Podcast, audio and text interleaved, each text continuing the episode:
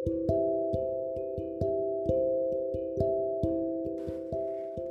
suatu hari, di sebuah kota, tinggallah seorang ayah dengan empat orang anaknya. Salah satu anaknya itu bernama Alif. Saat ini, ayah dari keempat saudara itu sedang sakit keras dan hanya bisa terbaring tempat tidur. Tapi hanya Alif yang mau dengan ikhlas merawat ayahnya. Sedangkan ketiga saudaranya itu sama sekali tidak mau merawat ayahnya tersebut.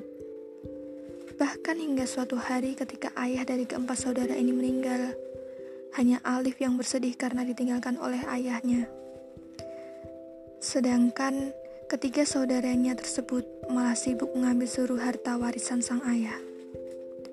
Hingga suatu hari, Alif bermimpi bertemu sang ayah, dan dalam mimpi itu Alif disuruh oleh sang ayah untuk membeli seekor ikan di pasar dekat rumahnya.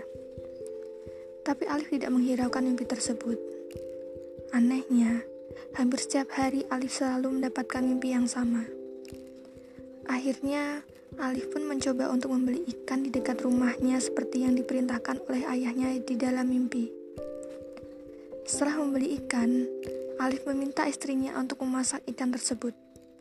Ketika membagikan tersebut, istri Alif terkejut karena di dalam ikan tersebut terdapat dua buah mutiara yang sangat indah dan sangat mahal.